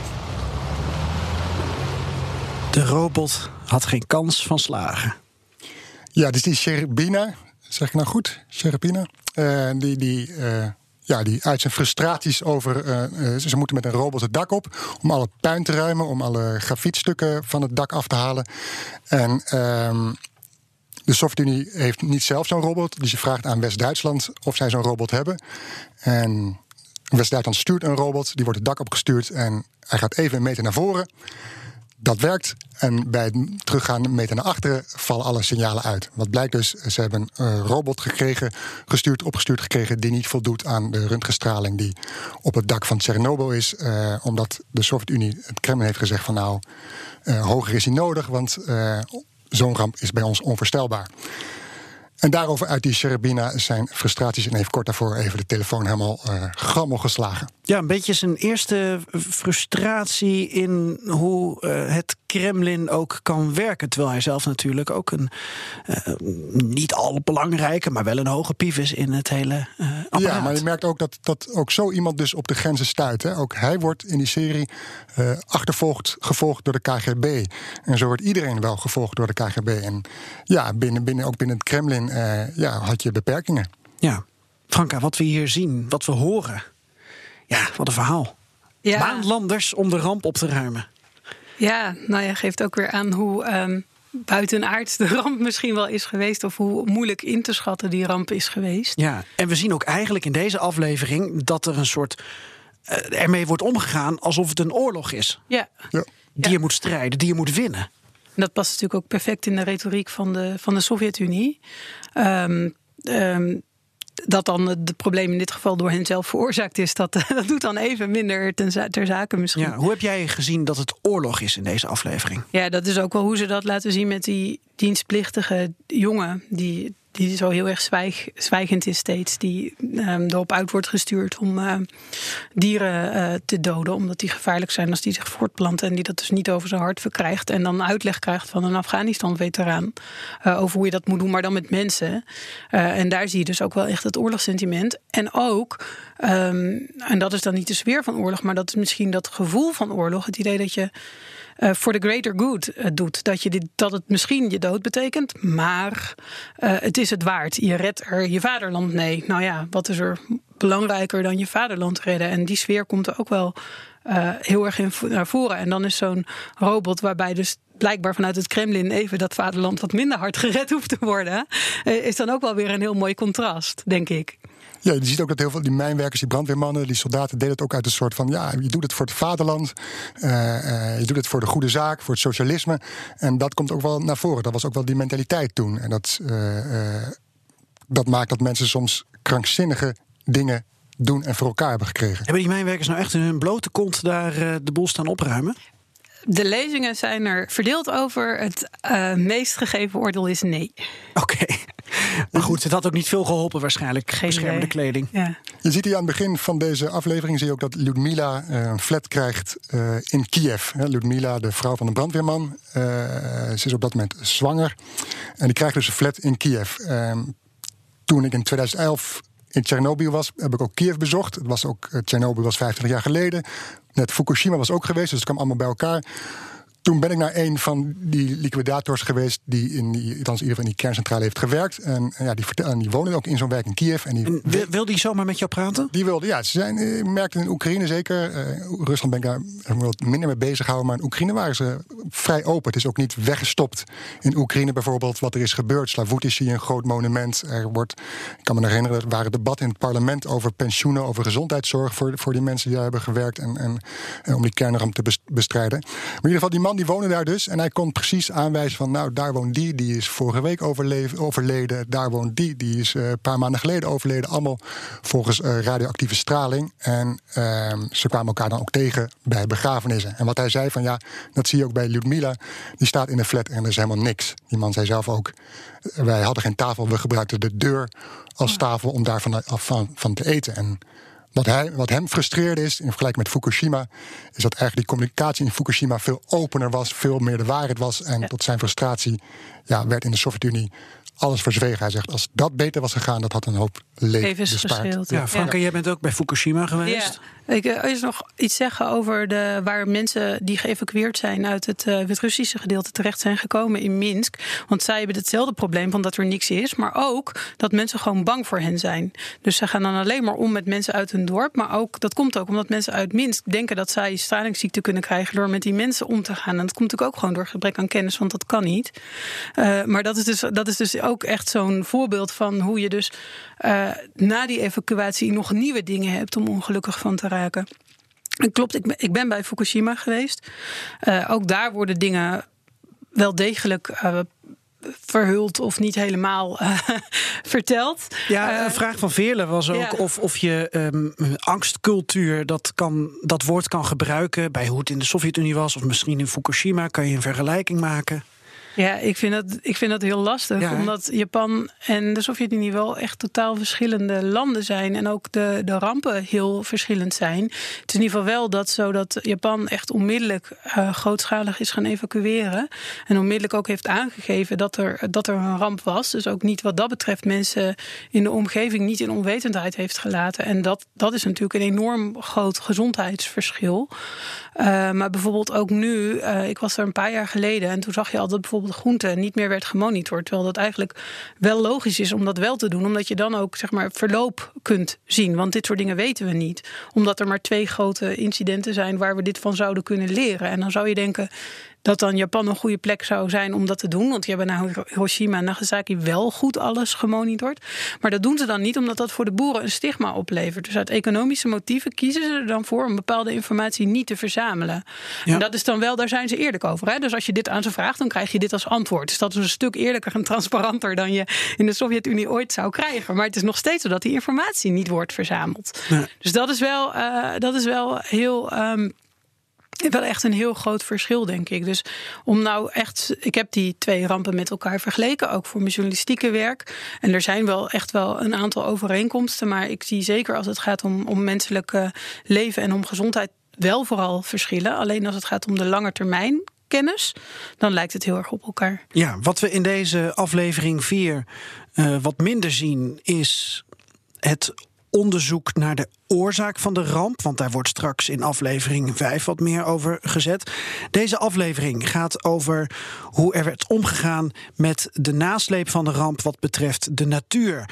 Uh, de manier om het verspreiden van uh, de straling tegen te gaan. Het evacueren van de mensen. En er is ook een vraag, er zijn meerdere vragen over die evacuatie bijvoorbeeld. Uh, binnengekomen bij ons over hoe zo'n ramp in Europa zou worden bestreden. gaan wij ook de grond dan een beetje omspitten? Gaan we ook de honden afschieten? Uh, gaan we ook mensen in eerste instantie op kleine schaal evacueren en dan pas heel groot? Dat is een hele interessante aflevering wat dat betreft. Hoe heb je naar die evacuatie gekeken, Floris? Uh, naar de evacuatie, ik moet dan vooral steeds denken aan de mensen die ik toen heb gesproken. Uh, en ja, die evacuatie vond dus plaats na 36 uur, als ik het goed heb. Op en, kleine schaal. Ja, vanuit ja. Pripyat dus. Na 36 uur eindelijk kwamen er dus bussen tevoorschijn. Uh, werden mensen weggehaald. En er werd verteld van na drie dagen keer je dus terug. Dus je hoeft niet veel spullen mee te nemen. Uh, na drie dagen. Na verluid waren dat 2000 bussen en waren dat alle bussen die Kiev had. Die Nou, waren dan in één rij zo opgesteld. Ja, ik weet niet of het echt waar is, maar. Vrij aantal hoor, 2000. Maar in ieder geval, na drie Ja. dagen zouden ze terugkeren. En dat is dus nooit gebeurd. En dat is, ja, dat is wat, wat we, mij dan is bijgebleven van de evacuatie. Ja, maar Ehm, Franka wat- eh, ha- eh, heeft volgens mij ook een idee van, van hoe, hoe die evacuatie eigenlijk niet goed is uitgevoerd. Nou ja, dit is het Ik zeg niet dat het goed is nee, uitgevoerd, precies, is eh, En dit is het Oekraïense eh, gedeelte. En Oekraïne heeft op een aantal dingen. Dat is een groot verschil tussen de verschillende Sovjet-republieken. Dat vergeten we heel snel. Dat, niet, dat die niet allemaal op dezelfde manier eh, handelden. Dus dat er wel degelijk iets aan verschillen zaten in de republiekshoofdsteden. En Kiev heeft bijvoorbeeld ook, is ook besloten om alle kinderen eh, al vervroegd op zomerkamp te sturen. En dat is best een heftig besluit. Ook omdat je dan dus wel die paniek misschien kunt krijgen. Maar het is ook een, een, een, misschien een gezond besluit. En dan zie je dus voor Wit-Rusland eh, dat daar pas in 91, 1991 na de val van de Sovjet-Unie op grote schaal is geëvacueerd. Vijf jaar na de ramp. Ja, want er is eerst gekeken naar die exclusion zone. Die is bijna met een passer getekend. Dus gewoon van een, ronde, een rondje. Maar voor de ehm, echte eh, stralingseffecten voor gewone mensen moet je eigenlijk niet kijken naar die cirkel. Moet je ook naar kijken. Die cirkel, het is logisch dat dat gebied is afgesloten. Maar je moet ook kijken naar waar de regen is neergeslagen. En dan krijg je dus heel andere vormen op de kaart. En dat is ook pas goed in 1991 eh, gebeurd in Wit-Rusland. Waardoor je bijvoorbeeld ook de jodium-effect. Jodium heeft een korte halfwaardetijd van enkele dagen. Waardoor je het van de jodium, radioactieve jodiumneerslag eigenlijk niet meer goed kunt nagaan. De cesiumneerslag wel. En zo is eigenlijk nog gezien van welk gebied dan misschien toen al geëvacueerd had moeten worden. En dan zie je dus dat daar in 91 dan opeens wel werk is van, is gemaakt. Ehm, maar dat dus ja, echt wel in, in Wit-Rusland heel andere keuzes zijn gemaakt dan in Oekraïne. En daaraan zie je dus ook dat die landen, ondanks dat ze allemaal onder Moskou vielen, wel degelijk toch nog deviaties hadden eh, onderling. En dat is iets wat we in, zeker in West-Europa heel vaak over het hoofd zien. Ja, er was nog een interessante vraag van een luisteraar. Eh, die was benieuwd hoe kan het dat eh, de niet al te kleine Wit-Russische stad Gomel ja, nog kan bestaan. Ja, nou, ehm, ik denk omdat het een niet al te kleine stad is om te beginnen. Van ga maar eens even eraan staan om al die mensen eh, te verplaatsen. Die daar ook gewoon hun leven hebben en daar ook willen wonen. Want het is niveautje Utrecht qua inwoneraantal. Iets kleiner, niet veel kleiner. En Ja. ze hebben, eh, nu is ook dat zeg maar wel de soort van hoofdstad van wat er is aan een Chernobyl-industrie. Dus als je de kinderen die vanuit Wit-Rusland naar Europa komen eh, om dan een paar maanden gezond te zijn, dat soort projecten zijn nog steeds. Dat is vaak vanuit Gomel georganiseerd. Hulpgoederen die nog naar dat gebied worden of werden gebracht, gaat ook naar Gomel en vanaf daar verder. Dus het is wel de stad die we ook het meest met Gomel ehm, eh, met, met Chernobyl associëren. Ja, er is dus destijds gewoon voor gekozen om daar helemaal niet te, te evacueren. Ehm, en ik weet niet of dat in West-Europa wel zou gebeuren en of dat dan ook zou lukken. Of mensen daar dan in mee willen werken. Want de, de, Ja, de vraag van Daan was dat ook. Ja, precies. Hoe wordt Dus zo'n de- ramp bestreden als die in Europa zou gebeuren? Precies, en de, West-Europa. de straling is dan hoger eh, misschien, maar is die ook schadelijk? Dat, was, dat is voor Gomel nooit helemaal ehm, eh, zo geweest. Je kunt zeggen dat dus het stralingsniveau schadelijk kan zijn. Wat al een andere formulering is dan bijvoorbeeld als je kijkt naar Pripyat, waar de straling schadelijk was. Dat is een ander soort formulering waar je dus ook anders op moet reageren. Maar ja, die stad bestaat nog. is een mooie stad. Ga erheen als je, het, eh, als je geïnteresseerd bent. Eh, er is echt eh, helemaal niets te beleven. Dus wat dat betreft ook een prachtig beeld van eh Ga erheen Wit-Rusland. en lees een boek van Svetlana Oh ja, zeker, zeker, ja. Franka Hummels, je bent ook te boeken voor allerlei lezingen. Ja, ik moet het even benadrukken natuurlijk. Met z'n drieën kan ook hoor. Ja, doen we ook met liefde. Want we weten veel meer dan we nu vertellen. Ja. Echt veel meer. Dus, dat is waar. We hebben gewoon beloofd dat we een beetje over de top ook reclame voor onszelf Ja, zouden maken. goed. Dat is Dus lees goed. ook mijn boek. hè, De, Ja, de- hoe heet de dat? heet Sorry, ik verstond het niet. De generatorgeneratie. Auteur is Franka Hummels. Ja. Heel goed. Ja. Eh, moeten we nog even over de huidige stand van zaken hebben? Ja, zullen we dat dan doen bij aflevering 5 met eh jouw welnemen? Want dan eh, eh, gaan we naar de. Dan liggen we nog goed op schema, bedoel ik. Dan liggen we qua tijd goed op schema. Een want ik- gevoelig punt binnen deze podcast. ja, maar ik denk dat we dan ook de sarcofagen nog even bij Ja, kunnen pakken. En dan gaan we dus naar. En de andere reactoren. Ja. Ga naar je pauzeknop als je er nog niet aan toe bent om aflevering 5 te beluisteren. Maar heb je het idee dat je aflevering 1 tot en met 4 zo goed in de smiezen hebt en zo goed hebt verwerkt en dat je ook ons hebt beluisterd voor het nodige commentaar erbij? Druk dan weer op play, luister door. Aflevering 5, de slotfase van Chernobyl.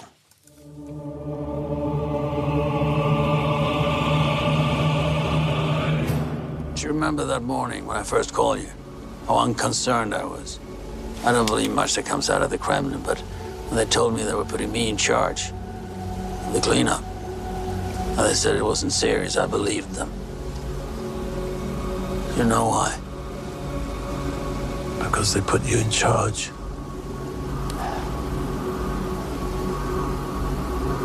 I'm an inconsequential man, Valera. That's all I've ever been. I hoped that one day I would matter, but I didn't.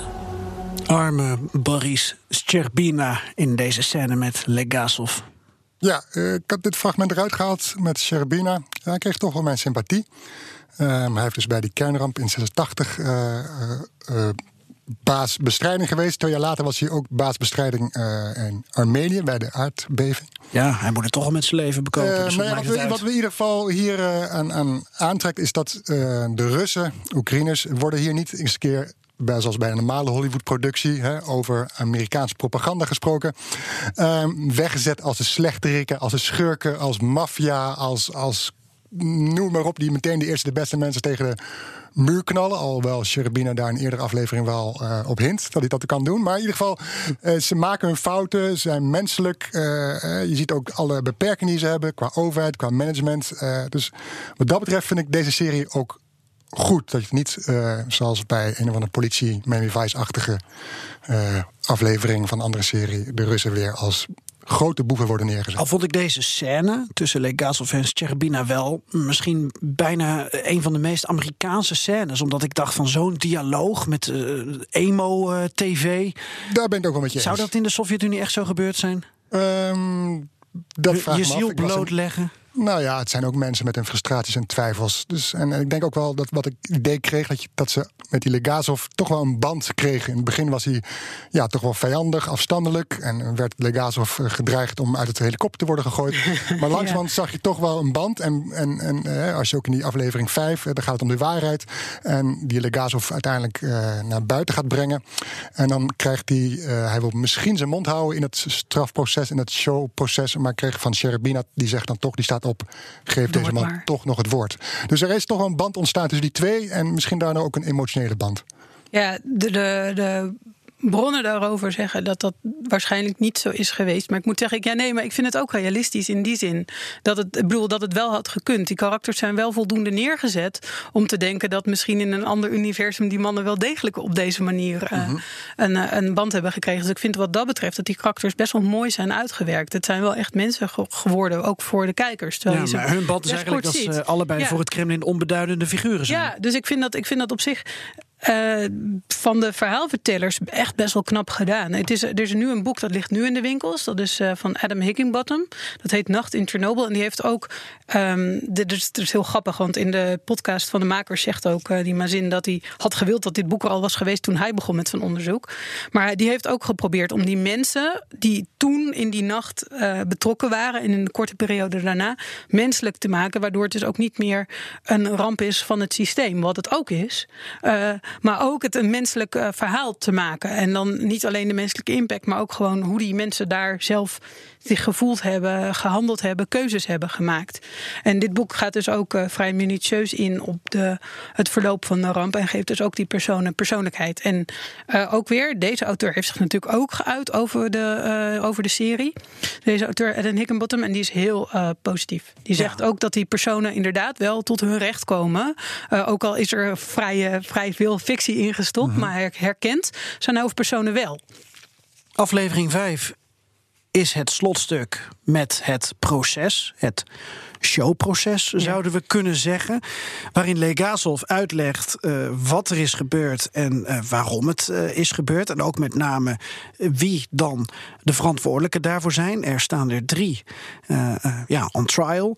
En Gomjuk komt kort aan het woord, Sherbina komt kort aan het woord. En Legazov met een fantastische 360 camera pin wordt in beeld gebracht om nog maar eens te benadrukken ehm, ja, hoe hij er ook persoonlijk dan in staat. Even naar dit proces, Franka. Is het een showproces? Het is een showproces, maar het is ook een show-show-proces. Een show-show-proces. Dus, er was, het proces dat daar werd gehouden was een, een showproces. Dus het was alleen maar bedoeld om mensen veroordeeld te krijgen... en niet om de waarheid boven tafel te krijgen. Dus de hoofdvraag van het proces is waarschijnlijk ook schuld geweest... en niet de toedracht. Eh, het is inderdaad gehouden in zo'n raar eh, volks, volkstheaterzaaltje in de buurt... omdat je dus inderdaad die eh, processen in de buurt van de Ze misdaad... zijn dus echt teruggegaan met het Ja. hele circus naar Ja, Tsjernobyl. bizar, maar ja. Chernobyl was, even voor Nog een steeds. stadje. Precies. Eh, Je hebt de kernreactor Tsjernobyl, eigenlijk Vladimir I. Lenin genaamd. Die stond bij de, twee kilometer van Pripyat. Maar je had, als ik het goed heb, 18 kilometer van, eh, van de kernreactor... had je dus de stad, het dorp Tsjernobyl, gelijknamige naam. En dat heeft nog tot, twee, tot in deze eeuw gefunctioneerd, omdat er nog twee reactoren hebben Ja, doorgewerkt na de ramp. Dus dat zat je, er was gewoon infrastructuur. Het was niet zo dat ze daar in een soort zombieland eh, zijn neergestreken. Maar, maar dat, eh, ehm, dat dat op deze manier is gegaan, nee, dat is gewoon een papieren doodsaai eh, proces geweest. Maar het is natuurlijk wel hartstikke slim van die makers, want zo kun je eigenlijk aan de mensen vertellen wat er gebeurd is. En je kunt al die spanningen tot ontknoping brengen. Eh, eh, dus misschien is dit wel een voorbeeld waarbij je met fictie eh, meer kunt vertellen dan met feiten, weet ik niet. Ik kan in ieder geval op zich de. de Maar er was geen model van de kerncentrale. Er was ook geen. ehm, er waren geen bordjes waarop Legazov kon uitleggen hoe eh, die chemische. Nee, ja, mijn zin. Dus die, de maker werken. heeft echt ook zelf in de podcast gezegd dat heeft hij gewoon allemaal eh, verzonnen. Om, om het verhaal goed te kunnen vertellen. Maar wel weer de bordjes in het Russisch. Ja, Ja, keurig. ja. En dan is het op een gegeven moment klaar. Of wil je nog iets anders over Nee, ik ben aflevering even aan 5? het, eh, nee, even nadenken. De andere. Nee, nee. Dan, eh, dan, is het klaar en dan. dan zijn we eigenlijk weer bij eh, het begin van aflevering 1. Ja, Ehm, aflevering 5 begint trouwens, dat is wel even interessant, met eh 12 uur voor de ramp. ja. Waarbij je eigenlijk dus tot op de seconde wordt gebracht naar 1 uur, 23 minuten en 45 seconden in de nacht van 25 op 26 Ja. april. Dat, ik hou niet van flashbacks, maar ik vond het wel heel erg mooi gemaakt. Goed werken. Ja. En die Dia- Diatlov, dat is toch ook een figuur, jongens, echt. Ehm, Nou, die heeft ook een verleden hè, met kernenergie en zijn zoon. En Ja. dus ja, hij schijnt zelf eh, een, een, een, een bijna fatale dosis straling bij een eerdere ramp mhm, ja. te hebben binnengekregen. En dat hij daarom dus, al dus in die makerspodcast inderdaad... dat Diatlov daarom dus zo ja, laconiek eigenlijk overal mee omging. Ehm, maar goed, dat is ook een beetje... eh, misschien deels mythe, misschien deels waar. We weten het niet.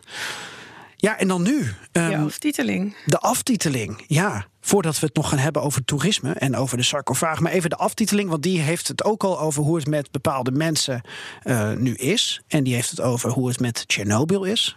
Ja. Take it away. Ja, ehm, nou, ik heb er net al wat over gezegd. Eh, we weten nog steeds heel weinig over de toedracht, omdat er dus niet structureel gemeten is. En eh, Oekraïne doet het best goed. Rusland doet het redelijk. Wit-Rusland doet het eigenlijk niet.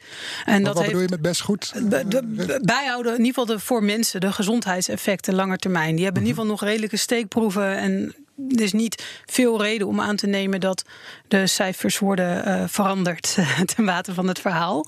Eh, in Wit-Rusland is er heel veel gereden reden om dat wel aan te nemen.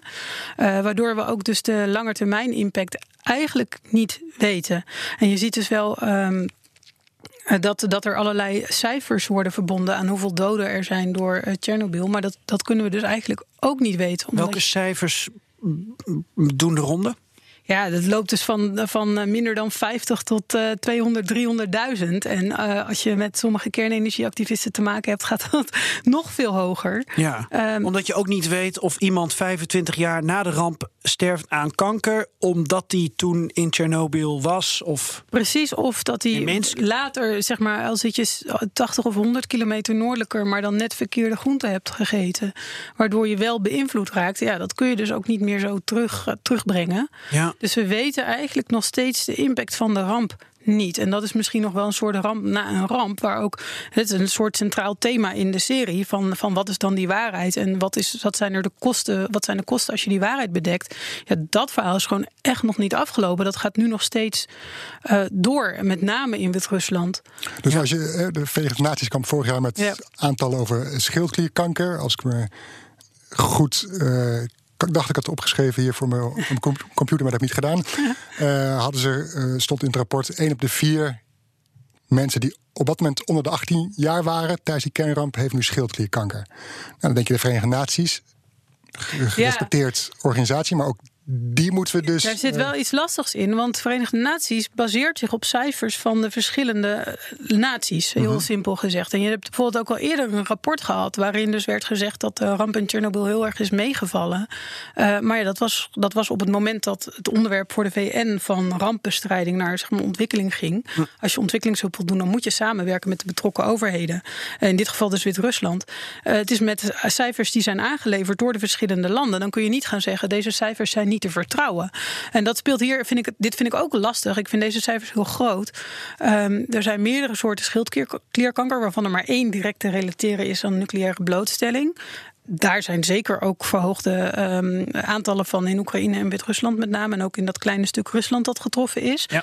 Maar niet elke schildklierkanker komt door die radiatie. Dus dat is ook eh, daar heel ingewikkeld eigenlijk aan. Dat je dus ook, want wat ik al zei, hè, er waren al schildklierproblemen in Wit-Rusland. Daarom zat ook al dat jodium in het water. Dus het kan ook, ik vind het heel ingewikkeld. Ik vind die cijfers moeilijk eh, te geloven. Ik maak even een snel bruggetje naar de herbevolking van de exclusion zone. Ja, lijkt me goed. Want eh, hoe gevaarlijk het daar ook is, ehm, er wonen weer mensen. Ja, je hebt, er is het bekend verhaal van die Chernobyl babushka's. hè, De oude mensen die vooral in het Oekraïnse deel terug zijn gegaan blijven wonen. Omdat dat gewoon hun moedergrond is. Maar je ziet in Wit-Rusland, waar ze een hele rare constructie hebben. Ze zeggen in de grondwet staat dat je vrij bent om te gaan wonen waar je wil. Ehm, en het is natuurlijk afgesloten gebied, maar je bent vrij. En als jij er dan zelf voor kiest om in dat gebied te gaan wonen, dan krijg je extra eh, geld om je energierekening te betalen, is gratis. Uh, water is gratis. Eigenlijk alle voorzieningen zijn gratis. Gezondheidszorg ook. Waardoor het dus voor arme mensen opeens een plek wordt om te gaan wonen, omdat je er geen kosten hebt. Dus dat is de facto gewoon een actief herbevolkingsbeleid. En je ziet ook dat gewoon gebied dat officieel in de exclusion zone ligt, nog gewoon wordt gebruikt voor uh, landbouw. Dat wordt wel vermengd met aardappelen uit de rest van Wit-Rusland. Dus het is niet zo dat je dan één op één Chernobyl aardappelen eet, maar je eet ze dus wel. Ja. Dan de sarcofaag. Ja. Ja, je had dus de sarcofaag die is binnen zes maanden na de ramp in elkaar is getimmerd door de Sovjet-Unie. ik heb er ook echt een beeld bij naar deze serie. in elkaar getimmerd. Uh, dat is misschien wat. Uh, die zou, als ik het uh, 20 tot 30 jaar uh, volhouden. maar en dan zouden scheuren, lekken ontstaan. Dus er moest een nieuwe komen. En uiteindelijk is er in 2016, 2017 een nieuwe sarcofaag door de internationale gemeenschap uh, geld bijeengebracht om uh, daar een nieuw omhulsel omheen te bouwen. Uh, gebouwd door, ook door internationale bedrijven. En die moet het 100 jaar gaan volhouden. Toen ik daar in 2011 was, toen kon je ook nog wel richting de reactor. En dan liep die Geiger-teller liep goed op als je paar honderd meter van de reactor kwam. En dan zag je ook toch dat die. Uh, had je toch dat, keek naar die sarcofaag die nog niet nieuw was. dacht je, laat daar maar snel uh, eentje overheen komen. En toen mm -hmm. zei de gids die bij ons was, die zei kan me nog herinneren uh, waar de bureaucratische Sovjet-Unie zes maanden over deed om een sarcofaag te bouwen. Overlegt de democratie nu 13 jaar Mooi, over hoe een nieuwe ja. gefinancierd moet worden. Ja, Frans, hè, geloof ik nu. Uit, uit de bouw is voornamelijk Frans, ja, ja. Ja. Maar de financiering was vooral het probleem. Het ontwerp wat minder. Franka Hummels, je bent Ja. ook de boeken eh, voor lezingen. Mochten Ja. mensen meer vragen Ja. hebben, want we zitten de allerlaatste vragen te behandelen. En dan komen we natuurlijk nog even kort uit bij het toerisme. Ja, Floris zei er net al wat over, hè, van dat je er dus heen kunt met een gids. Ik heb dat ook eh, gedaan met een, eh, met een eh, Russische groep. Ehm, en dat neemt dus de afgelopen tijd heel erg toe. Daar zijn allemaal nieuwsberichten over. Maar eigenlijk, het verhaal is nog steeds dat mensen het dus gewoon heel gaaf vinden. Maar wat ook wat mij heel erg opvalt, is dat mensen vooral mensen uit de voormalige Sovjet-Unie, de tijd is stilgezet in 1986 daar. En hun land bestaat niet meer sinds 1991. Dus dit is eigenlijk de enige um, teletijdmachine naar hun jeugd. Oh ja. En dus uh, voor, uh, van de, uit de Sovjet-Unie zijn er dus best veel toeristen die pure nostalgie naar Pripyat gaan. En dat is iets dat vind ik wel leuk, even los van het urbexen en het spannende en de vervallen stad en zo, vind ik dat nog wel even leuk om, om gezegd te hebben. Dat uh, gezegd hebben, hè?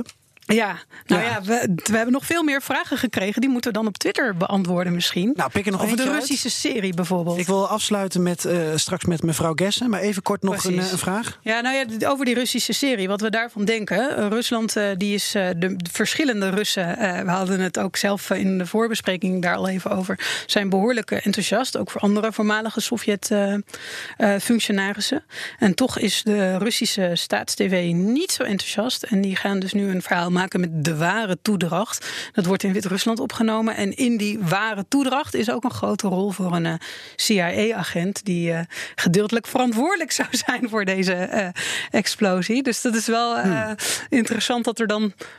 Ten eerste dat Rusland zichzelf dus als directe uh, erfgenaam van de Sovjet-Unie ziet. Dat ze zich aangevallen voelen over zo'n verhaal als dat van HBO en Sky. Uh, en ten tweede dat er dus ook gewoon echt uh, gezegd wordt: nee, we kunnen er niks aan doen. Dat was de CIA. ik zie er heel erg naar uit, die serie. De grote winst van deze serie lijkt mij eigenlijk dat we zeker in Nederland, maar je ziet dat ook in andere landen.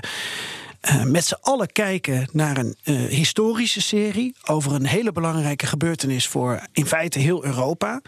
En dat we het met name hebben over uh, de waarheid. We hebben het over of bepaalde dingen zijn gebeurd. Eigenlijk dit aspect, de conspiracy, komt niet zo heel veel in de discussie naar voren. Ik vind het eigenlijk heel interessant dat we met z'n allen hier dol op zijn dol op de serie bedoel ik dan. En niet op de gebeurtenis, maar wel Ja. op een, een soort zoektocht naar wat er in ons verleden is gebeurd. Real life horror. Ja. ja, je ziet het daarom ook wel dat Alexejevich, dus die schrijfster van uh, uh, Wij houden van Chernobyl, die is positief, omdat ze denkt dat dit een soort nieuwe interesse in het onderwerp opbrengt. En dat daar dus ook naar allerlei menselijke kanten, zoals bijvoorbeeld de langetermijn-effecten voor Wit-Rusland, wordt gekeken. Dus zij denkt dat dit soort ruimte geeft voor meer uh, verdieping. Maar je ziet dus dat Masha Gesse van de New Yorker, die is dus niet zo positief. Ja, nou komen we aan, terug bij het begin van de aflevering. Precies. Er waren twee aspecten waarvan mevrouw Gessen zei, en dat is een autoriteit. Ja. Dit is toch niet helemaal goed vertolkt. Nou, dat waren twee kleine uh, in de details. Maar in grosso modo heeft ze juist grote kritiek. Namelijk dat het dus niet goed die dictatuur weergeeft. Dat het dus dat het niet zo goed weergeeft hoe eigenlijk iedereen er ook gewoon gebaat bij is om de mond te houden.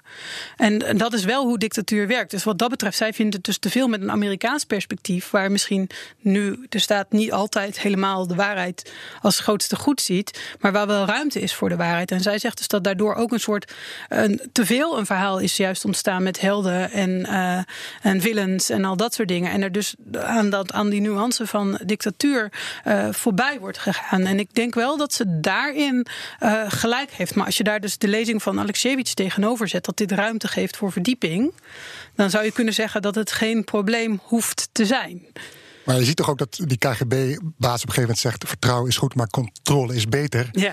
En wijst je ook aan dat hij zelf achtervolgd wordt, gevolgd wordt door het KGB. En uh, uh, dat die dame, kernfysicus, ook in de gevangenis wordt gestopt. Dus ik, je ziet heus wel wat voor dictatuur het is, wat dat betreft. Hoor. Maar al die mensen die steeds opstaan en zeggen nee.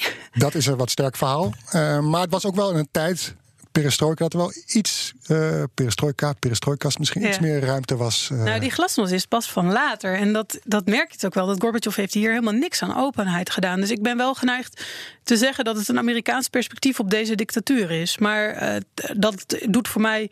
Ik vind die serie nog steeds heel goed. En ik vind het verhaal nog steeds heel goed verteld. Franka Hummels, de vrouw die dingen zegt over Tsjernobyl. ik ga je heel erg bedanken. En uh, Floris, jij gaat uh, Franka ook bedanken, denk ik. Uh, zeer. Ja. Grote dank. En we danken de luisteraars. En uh, we gaan de discussie uh, ongetwijfeld voortzetten op de sociale media. En frankahummels.nl, daar kan je voor haar lezingen terecht, voor haar boeken, voor haar onderzoek en voor meer vragen. Ja. Had ik dat al gezegd? frankahummels.nl. Zeg nog één keer. frankahummels.nl. Ga ook de podcast van de uh, luisteraars, uh, van de makers erbij pakken. Chernobyl, HBO. Ik vind dat ook echt heel interessant. En de soundtrack is er ook nog. En de soundtrack is er ook van een IJslandse, geloof ik. Nou, ja. heel leuk dat we dit hebben kunnen doen met z'n drieën. Fantastisch. Ja. Deze perestroika, die uh, bedankt de luisteraar. En als je meer vragen hebt, je weet ons te vinden. At perestroikast. En uh, perestroikast.bnr.nl. Paka. Ajeto. Vlak na de kernramp in Oekraïne, in, in Tsjernobyl, komt een Oekraïner komt thuis bij zijn vrouw en zegt: Ik moet morgen naar de kernreactor, de ontplofte kernreactor. En anders nemen ze mijn partijpas in van de Communistische Partij. Maar zijn vrouw zegt: Nee, je bent helemaal geen lid van de Communistische Partij. Waarop haar man zegt: Nee, en daarom moet ik als, als het weerlicht zien te krijgen dat ik zo'n pas nu krijg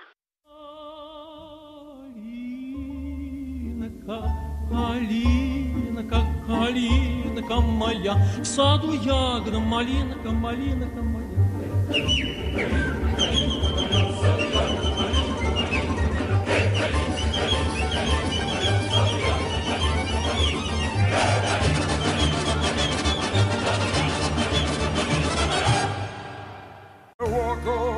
Hardlopen, dat is goed voor je. En Nationale Nederlanden helpt je daar graag bij. Bijvoorbeeld met onze digitale NN Running Coach... die antwoord geeft op al je hardloopvragen. Dus, kom ook in beweging. Onze support heb je. Kijk op nn.nl slash hardlopen.